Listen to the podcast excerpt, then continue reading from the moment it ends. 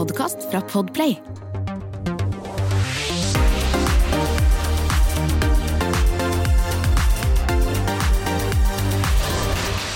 Han er fra Snarøya, eh, blitt eh, 33 år. Blitt eh, nominert til eh, Spellemann og P3-gull. Han har mange millioner streams på Spotify for sine låter. Har gitt ut eh, 35 singler, kommer jeg til, hvis du ikke regner med remixene. Eh, og har vært voice-mentor. Og han gjemmer seg bak navnet CLMD. Velkommen, Martin Daniel. Tusen takk. Eller Martin Bjerke. Hva foretrekker du? Kjært barn har mange navn, er det ikke sånn det er? Ja, veldig. Hvilket foretrekker du? Er det Martin Daniel vi går for? Ja, eh, eller bare Martin, kanskje. Ja, Martin, Jeg liker jo Martin mest. da Veldig unaturlig for meg å si noe mer enn det, for å si det sånn. Du er jo aktuell med en ny singel i disse dager. Mm. Det skal vi komme litt tilbake til. Ja. For nå har jeg liksom lyst til å rykke helt tilbake til start. Ja, så kult. Der hvor det virkelig startet for deg. Mm. Hvordan var liksom din eh, hva skal vi si eh, musikalske åpenbaring? Når var det liksom du Oi. satte i gang? Um, det var eh, Jeg drev jo aktivt med alpint. Mm. Var jo, uten å skal blåse meg selv opp, men ganske god også.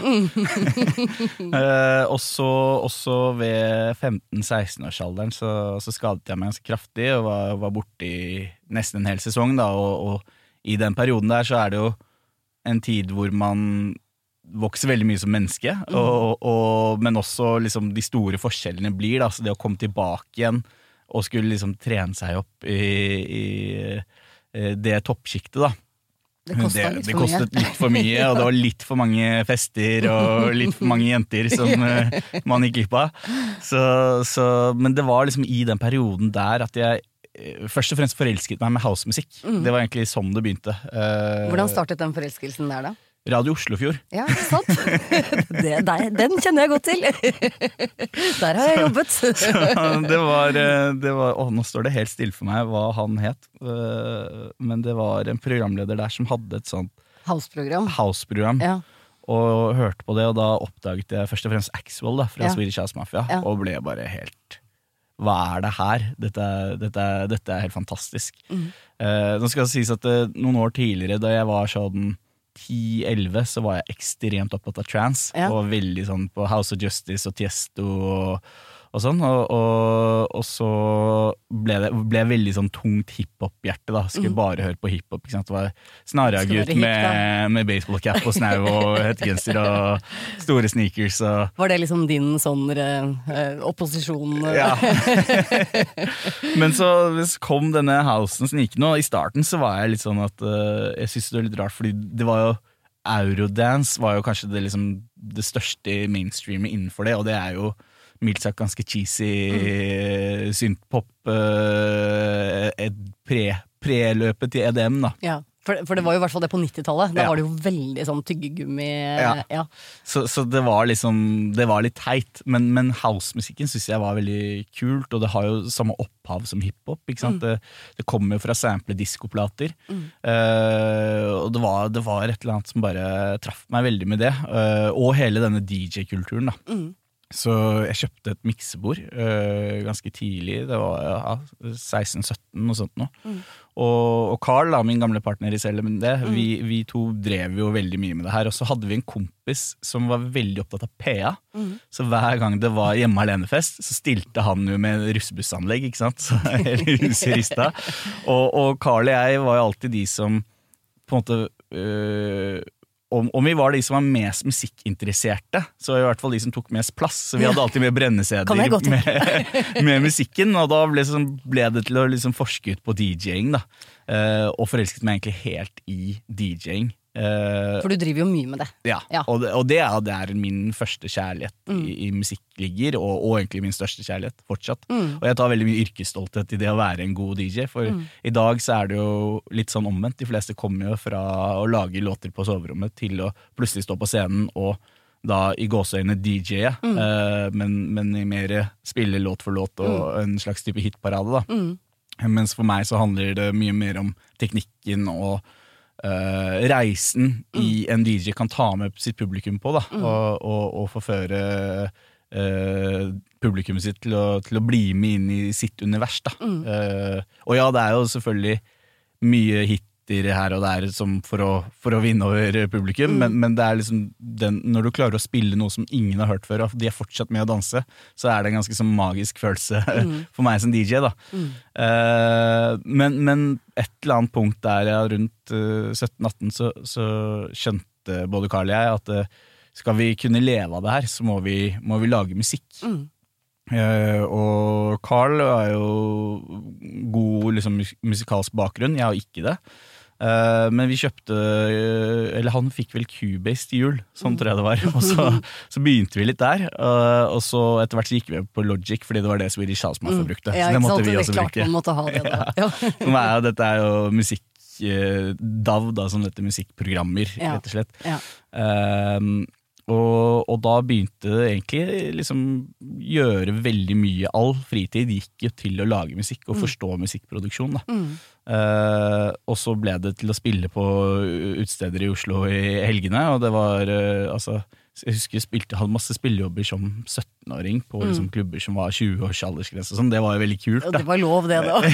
jeg vet ikke om det var lov, Nei. men det var i hvert fall Jeg har liksom gjort det samme selv, så Det var i hvert fall gøy. ja, det var, gøy var det. Ja. Veldig gøy var det. Uh, og det, det bare bygde jo opp under det der ønsket om klubbkultur, da. Mm.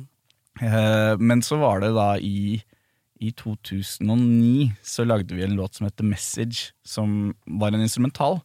Som vi egentlig skulle prøve å få uh, signert med uh, det som ble Swedish House Mafia. Dette var før Swedish House Mafia Mm. uh, ble grunnlagt. Mm. Og så endte vi opp via, via, via uh, på et uh, britisk uh, plateselskap, og den låta gikk jo som bare det i England. Mm. Ble en sånn, rett og slett en undergrunnshit. Mm. Og Axwell tok faktisk den og remixet den, og spilte den på Litt stas, eller? Veldig stas. Og spilte den på den første offisielle Swedish House Mafia-konserten, som var på Ultra Music Festival i 2010. Og der var jeg blant publikum, blant 80 000 mennesker, og hørte han spille vår Det var, låt. det var en liten tåre i øyekroken da. Ja, det var, det var litt sånn, ok, nå, da, da har vi egentlig klart alt vi har drømt om Ja, her i karrieren. Sånn, så, sånn liksom. Ja. så, så det var liksom, men det var også på en måte kanskje det definerende øyeblikket på at uh, dette er mer enn en hobby. da. Mm. At jeg faktisk har noe her å drive med. Mm.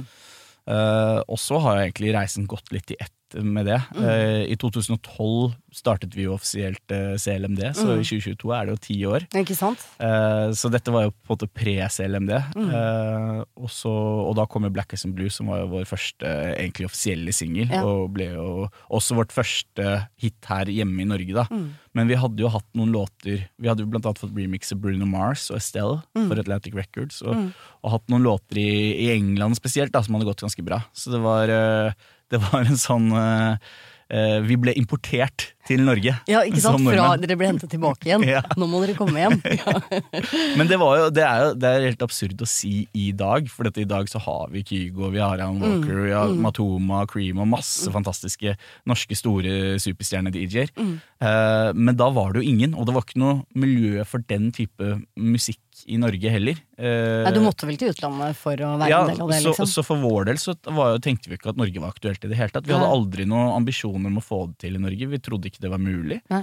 Eh, så vi gikk liksom ut og tenkte ja, vi får blande oss inn i nisjen. Eh, du hadde jo selvfølgelig det, det miljøet som er liksom, hva skal man kalle det, space disco, elektronika, Røyksopp, Todd Terje, Mm. Ja, for det var Lindstrøm. noen av de, liksom. Men, Men, det, men det var jo ikke kommersielt sånn. Det var jo egentlig veldig antikommersielt Mm. eh, som sådan, selv om flere av de har hatt kommersielle hits. Mm. Så, så den derre um, kommersielle housen, EDM eh, bølgen som kom, var det jo ingen, så vi var jo alene om det, og, og trodde jo ikke det var mulig å, å få til noe i Norge. Og plutselig så satt vi der da med liksom mest spilte låten på P3 i 2012, og årets nykommernominasjon, og, Ja. og, og eh, ja, det var liksom ikke måte på. Og, så klarte vi jo det utrolige å følge opp med Stockholmssyndrom, ja, ikke som, sant? For den smalt vel sånn skikkelig. som smalt Ja. ekstremt mye, og gikk jo seks ganger platen her i Norge. Ja.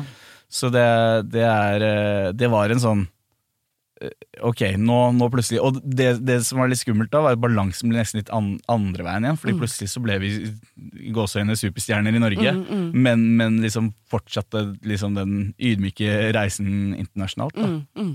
Men, eh, men det var jo også litt sånn tid og sted, fordi eh, USA hadde jo ikke helt ennå kastet seg på denne bølgen. Så De ligger ofte litt etter oss på Ja. sånne type ting, i hvert fall. ja, og, og der så var det jo begynte det å komme et veldig ønske om det, men det Mm. fantes jo ikke noen amerikanske DJ-er eller noe folk som var, det var Jeg husker da vi gjorde remix for Bruno Mars, så var det også Skrillex, og da var jo Skrillex helt Ja. ukjent også.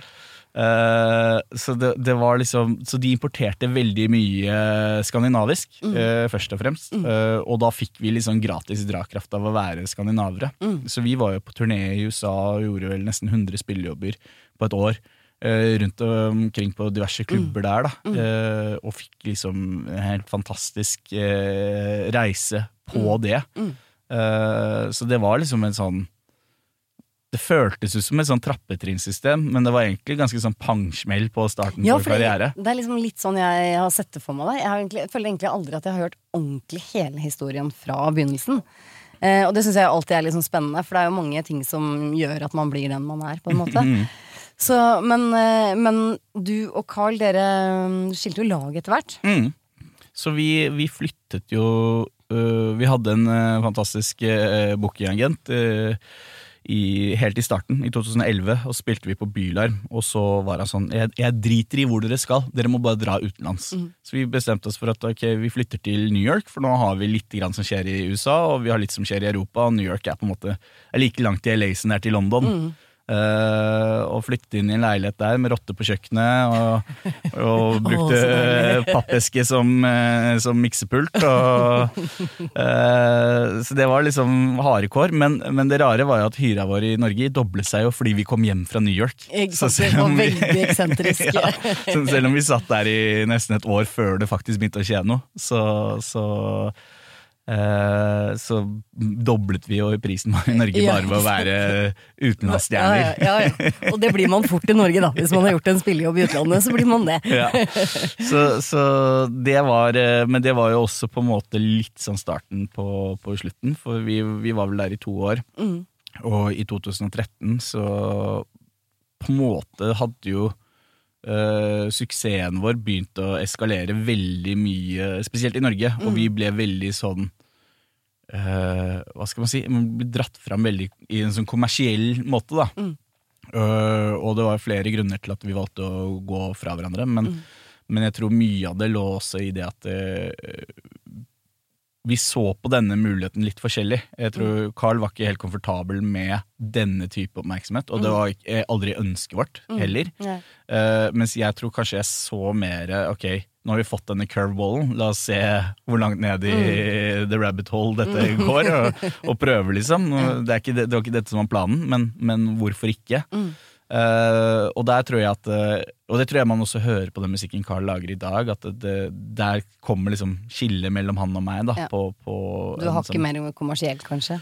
Ja, eller jeg er i hvert fall ikke fremmed for å prøve det. Mm. det. Det var også Nå i dag så er det jo litt annerledes eh, miljø, men på den tiden så var jo på en måte Vi var, vi var klubbgutter. Mm. Vi var litt sånn Vi spilte ingen rolle om vi ble spilt på radioen, eller det var liksom ikke Vi skulle, ha, vi skulle spille på de kule klubbene, vi, Mm. og ha de kule de lange miksene. Altså, Originalversjonen av Stockholmssyndrom er jo åtte minutter lang. Ja, ikke sant. så, det er veldig radiovennlig, da. så, så, uh, uh, så det var litt sånn, sånn Og jeg husker, det er jo en liten sidenot, da, men jeg husker vi sendte Stockholmssyndrom til Sony, øh, som var plateselskapet vårt da. Og de var sånn, her, fantastisk låt, men kan ikke gi ut det her. Det her er, det, hva, er, hva er det dere tenker med, liksom? Og så husker jeg den natten, så var, for da var vi jo i New York. Og jeg fikk det svaret på kvelden, så bare ok. Satt den jeg klippet øh, en treminuttersversjon, liksom, og så sendte den. Ja. De bare ja, å fy faen, nå har vi en! Jeg skjønner jo det, for så vidt. da. De tenker jo bare promo. ja, ja, ja. Så, så det var, eh, det var um, veldig, veldig morsomt, det. Men, men ja, det var altså, liksom på våren 2013, egentlig. Vi splitta jo ikke offisielt før sommeren 2014. Nei. Så bestemte vi oss allerede da at uh, vi Det er viktigere for oss å være gode venner enn å være gode partnere. Ja, ikke sant. Uh, og jeg tror også liksom den akkumuleringen av at vi bodde sammen uh, Jeg gikk gjennom et kjempekjærlighetsbrudd på den tiden også, uh, som gjorde at jeg var veldig distré. Eh, og, og liksom alt det trykket og presset rett og slett som var på oss, fordi eh, housemusikk og EDM hadde blitt så enormt svært. Det Ja, det tok liksom- liksom så veldig av også. ja, og vi, vi representerte Norge. Mm. eh, og jeg vet ikke om vi var helt klare for å liksom bære Norge Ja, ja. på våre skuldre. Eh, så kan man jo si at vi, vi tråkket jo stien veldig mye for Kygo, Alan Walker Mm. og, og Matoma, og alle de har jo sendt demoer til oss på den tiden Ja, også. det er morsomt. Det er kjempegøy. Så, så, så, men det var, det var, vi var definitivt ikke klar for det trøkket som vi fikk da, og Ja. også det den, de mulighetene som kom, da, å se, se hva som er muligheter og hva som er utfordringer. Mm. Og, og dermed så bestemte vi oss egentlig for at uh, vi tar liksom gjør ferdig det vi har booket av shows. Vi hadde jo booket shows et år i forveien. Mm. Uh, og så gir vi ut det siste av musikk som vi har laget sammen. Mm. Eh, og så liksom takker vi for oss. Og, og det er vi veldig veldig glad for at vi gjorde, for i dag så er vi fortsatt bestevenner. Mm. Vi henger ut så mye vi kan, og, og jeg tror ikke vi hadde gjort det hvis vi hadde liksom pressa oss selv til å liksom følge businessen da, og, og valgt karrieren foran vennskapet. Han hadde blitt drita lei hverandre. Ja, ja og, og det var jo selvfølgelig i løpet av det siste året der også, så ble vi jo drita lei hverandre. Men, men det varte Jeg tror det varte veldig mye kortere eh, enn altså Når vi først fikk pause og fikk liksom puste litt. Og jeg reiste jo til LA, og Carl ble jo igjen i Norge. Så, så vi, vi var jo ikke så mye oppå hverandre heller i de neste årene der, men vi møttes jo når vi, jeg var hjemme og sånn. Eh, men men vi, er, vi er veldig takknemlige i dag for at vi kan liksom få lov til å være så gode venner. da Og, og henge ut eh, så mye som vi kan. Og, og det er også litt sånn fordi at eh, vi, vi tuller jo litt med det, men eh, vi føler jo fortsatt at vi er litt sånn alene om dette universet eh, selv. da Fordi vi på en måte følte at vi fant det litt først eh, også. Ja, her i Norge. Eh, Ja, så, så det er liksom, Vi har ikke så mange andre å dele. Når vi kommer over noen gammel eh, kul French-house, så har vi ikke så veldig mange andre venner å dele det med. Så det er liksom Det noen må man man det er godt dere har venner fortsatt. Men du Martin, du gikk jo videre etter hvert, og jeg tenkte vi skulle høre litt grann av en av låtene. There's no need for an explanation. With the words, I feel them tumbling down. Cause I know you're my temptation. You make me fall into a deeper ground. I raise my hand so you can see me. I hold it up until I feel it fall. I didn't need someone to save me. Let me be the one to stand tall. Oh. I wish that I could feel the warmth under the sun. I'll be here watching it dust. I wish that I could see where everybody runs. I'll be here watching me dust.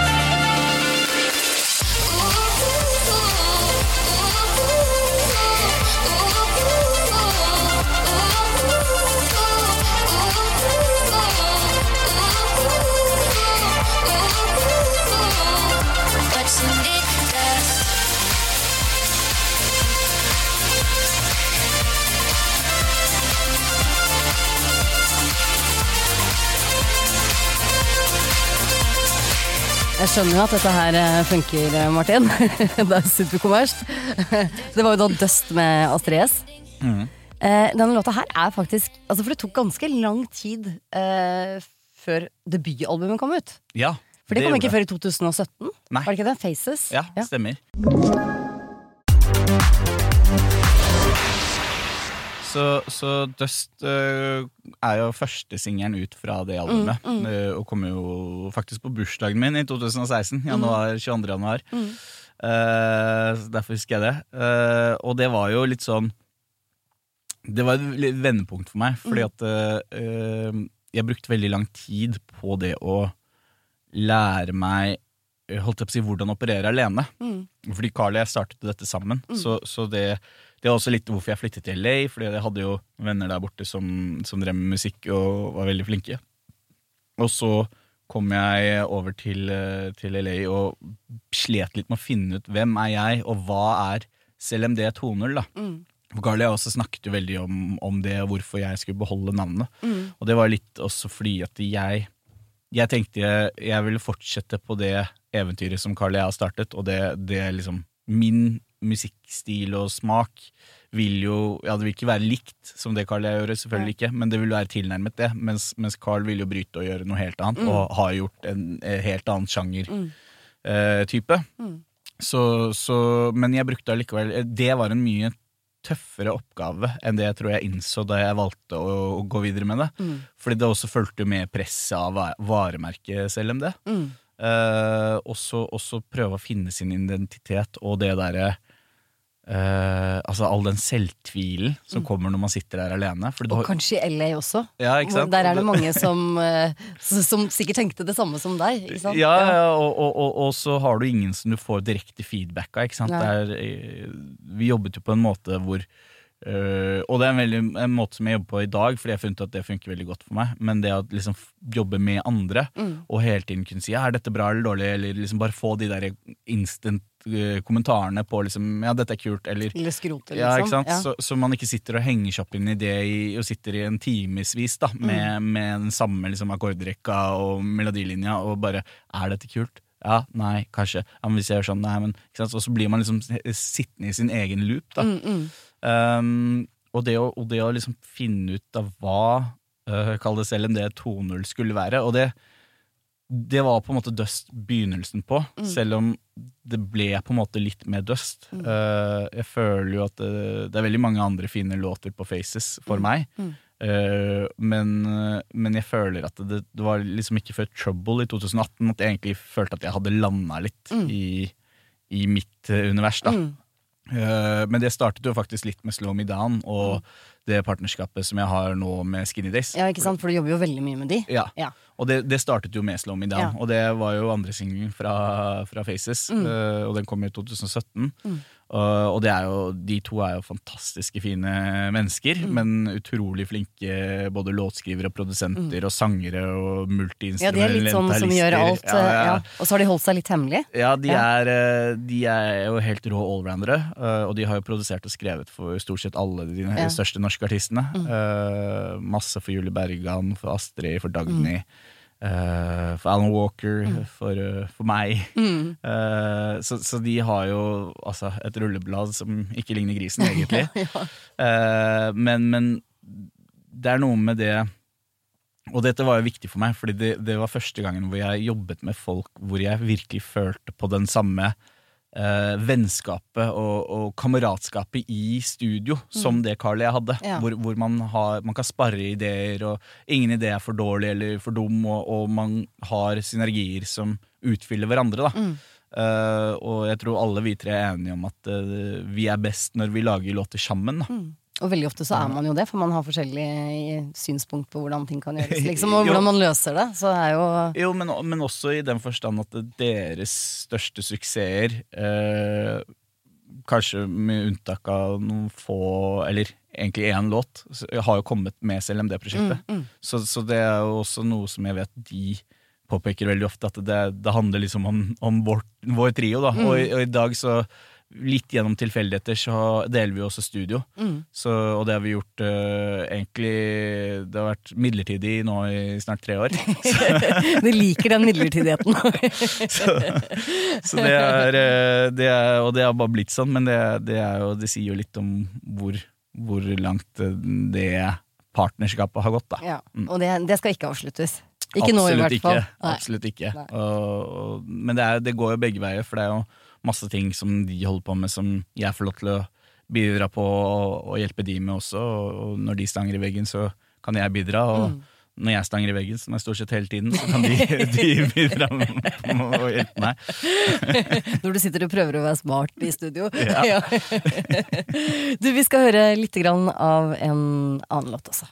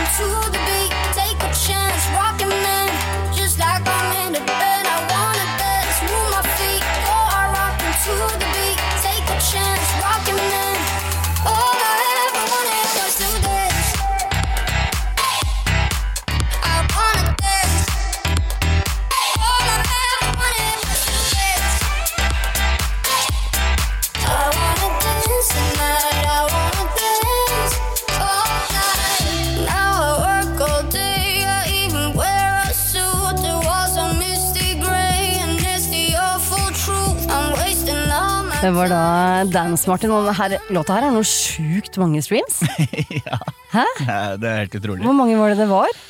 Ja, Den er vel nærmer seg 100 millioner nå. Ja, for det var det Altså, jeg måtte liksom lese to ganger.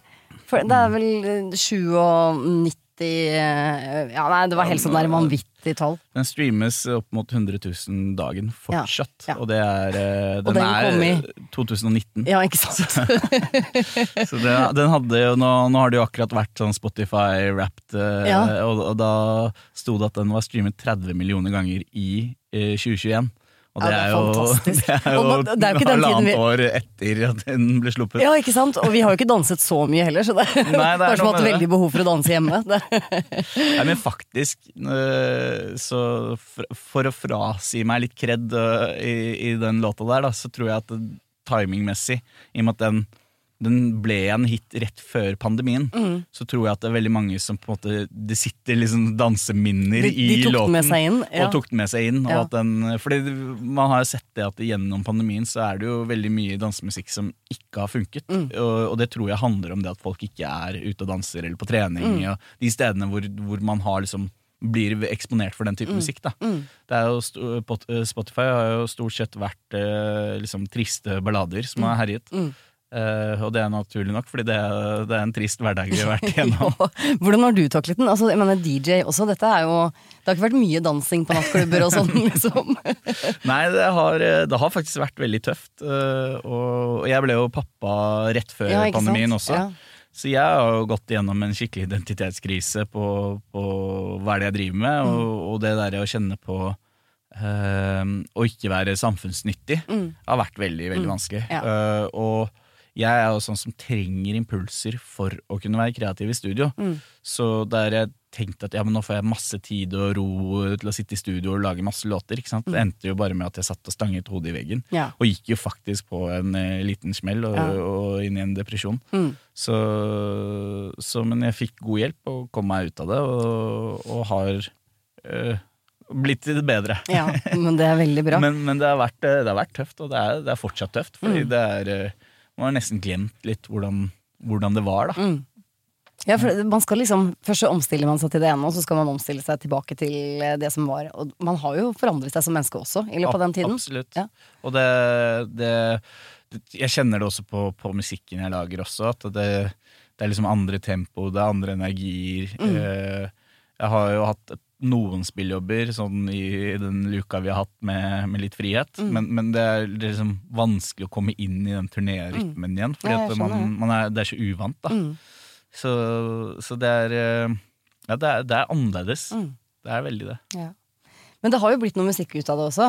Det har det. Ja, og det er vi glad for. Tenkte vi skulle høre litt grann på den eh, nyeste singelen. Ja. Heaven on Earth.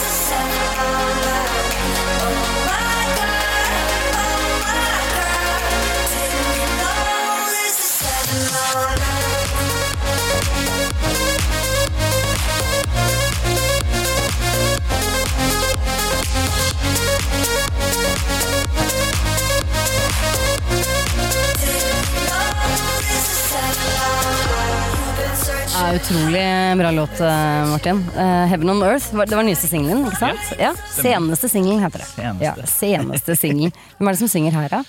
Eh, Jeg tenkte jeg skulle prøve å få det ut av det.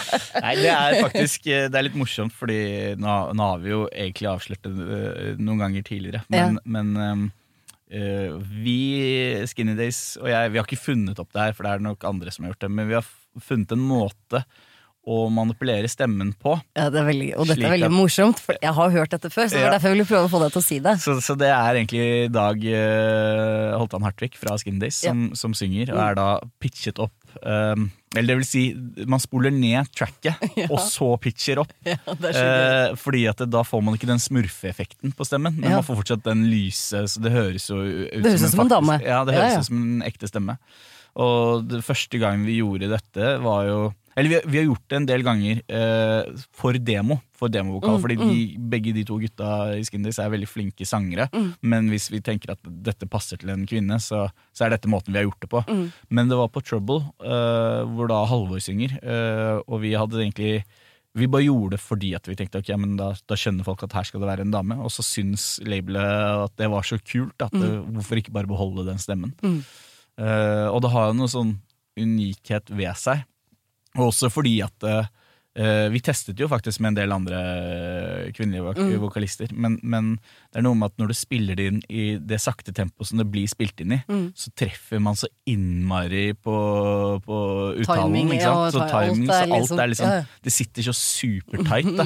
Så når du spoler det opp igjen, så er det sånn du, du, Det er ingen som klarer å synge det så bra, egentlig. Så da, da blir det liksom et eller annet som bare høres så innmari digg ut i, i miksen. Ja. Så, så det har blitt en sånn Det har blitt en gjenganger. Men hvis du skulle valgt fra øverste hylle, Mm. hvem skulle du hatt til å synge på låten din da? Oi! Det er eh, Det er eh, Veldig godt spørsmål. Jeg tenker ikke egentlig så mye på sånne ting. Du har ikke ting. noen som er sånn 'det hadde vært en drøm' og Nei, det er jo en av mine favorittstemmer har jeg fått lov til å jobbe med allerede, og det er Astrid. Ja, det skjønner jeg.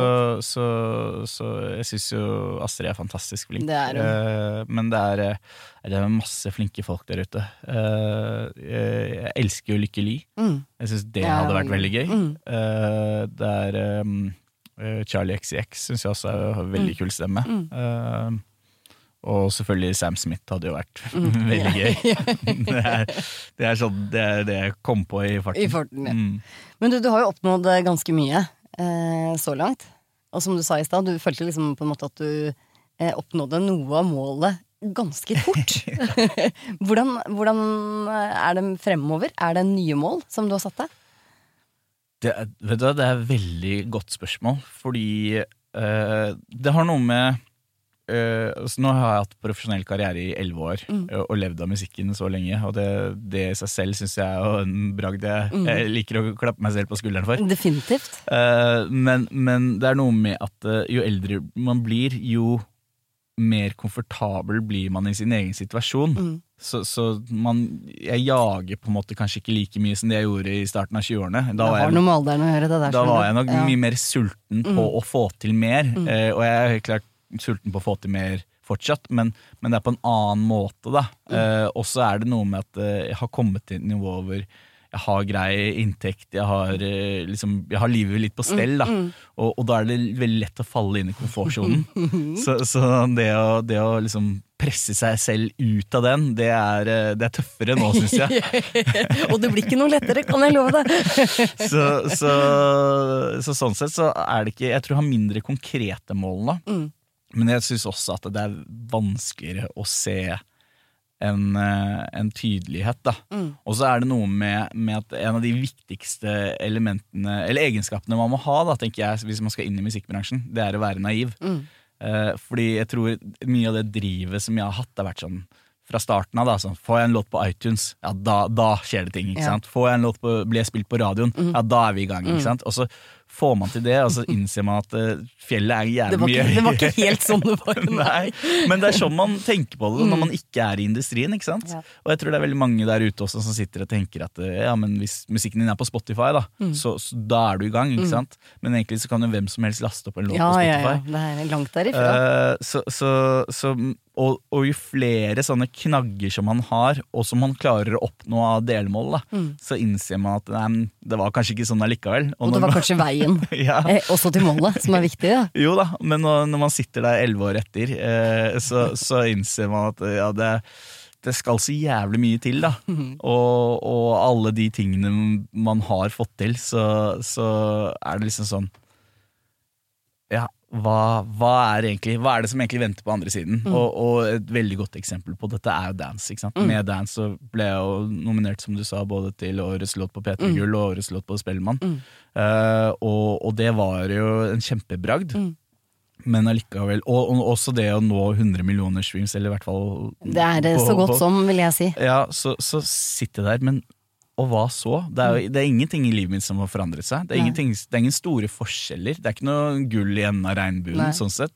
Så det er litt sånn antiklimaks i det også. Mm. Og, og hva, hva er det man egentlig chaser, da? Mm. Det, det er et sånt spørsmål som jeg sitter og stiller meg selv. Fordi at uh, det er klart jeg lager musikk for min egen del, men jeg er jo også en ambisiøs fyr. Mm. Og, og hvis jeg ikke føler at jeg på en måte klatrer stigen ved å oppnå sånne mål Mm. tenker, Man tenker at 100 millioner streams det forandrer en karriere, men det gjør jo ikke egentlig det. Mm. Ikke sant? Det, er, det er kun et trappesteg på denne Ja, uendelige stigen. Og selvfølgelig også eh, det at man jo på et eller annet vis får litt mer anerkjennelse, da. Jo da, selvfølgelig, ja. Mm. og, og det har selvfølgelig åpnet nye dører sånn sett. Og, det, og det, er en, det er en knagg på liksom nok en, en suksessfull Mm. bragd, da. Men allikevel så det er ikke noe som endrer livet eller karrieren min. Det ikke, og det kan hende at dette også har noe med pandemien å gjøre, at man Ja. ikke ser den fulle effekten av en sånn suksess. Ja, kanskje ikke helt ennå, i hvert fall. Men, men, men det er allikevel ikke sånn at det det er ikke life-changing. Og Jeg tror veldig mange artister der ute sitter og tenker at hvis jeg får 100 millioner Mm. streams, eller 10 millioner streams for den saks skyld, så, så blir jeg en artist Mm. av kaliber. ikke sant? Og, men det er liksom sånn man, man, man klorer seg fast i veggen og prøver å klatre høyere. Uh, og, og jeg tror at disse tingene her da, er jo med på å revurdere hva slags mål man setter for seg selv. Da. Uh, og at kanskje målene nå handler mer om liksom, egenvinning enn liksom, det å nå disse fysiske Om det er hovedscenen på Palmesus, eller om det er uh, Tomorrowland, eller, eller Ultramusikk Festival, eller, eller 100 millioner streams på Spotify. Uh, ikke sant? Er- Den har du, kan du sjekke av, jo, men, jo, men det er liksom de, de, Det føles ikke like viktig lenger Nei. med sånne typer mål, da. Det er det som er, når man har oppnådd såpass mye. Men eh, Martin fra CLMD, tusen takk for at du kom, og, og lykke til med alle delmål og småmål og klatring og gåturer og finne deg sjæl. Tusen takk.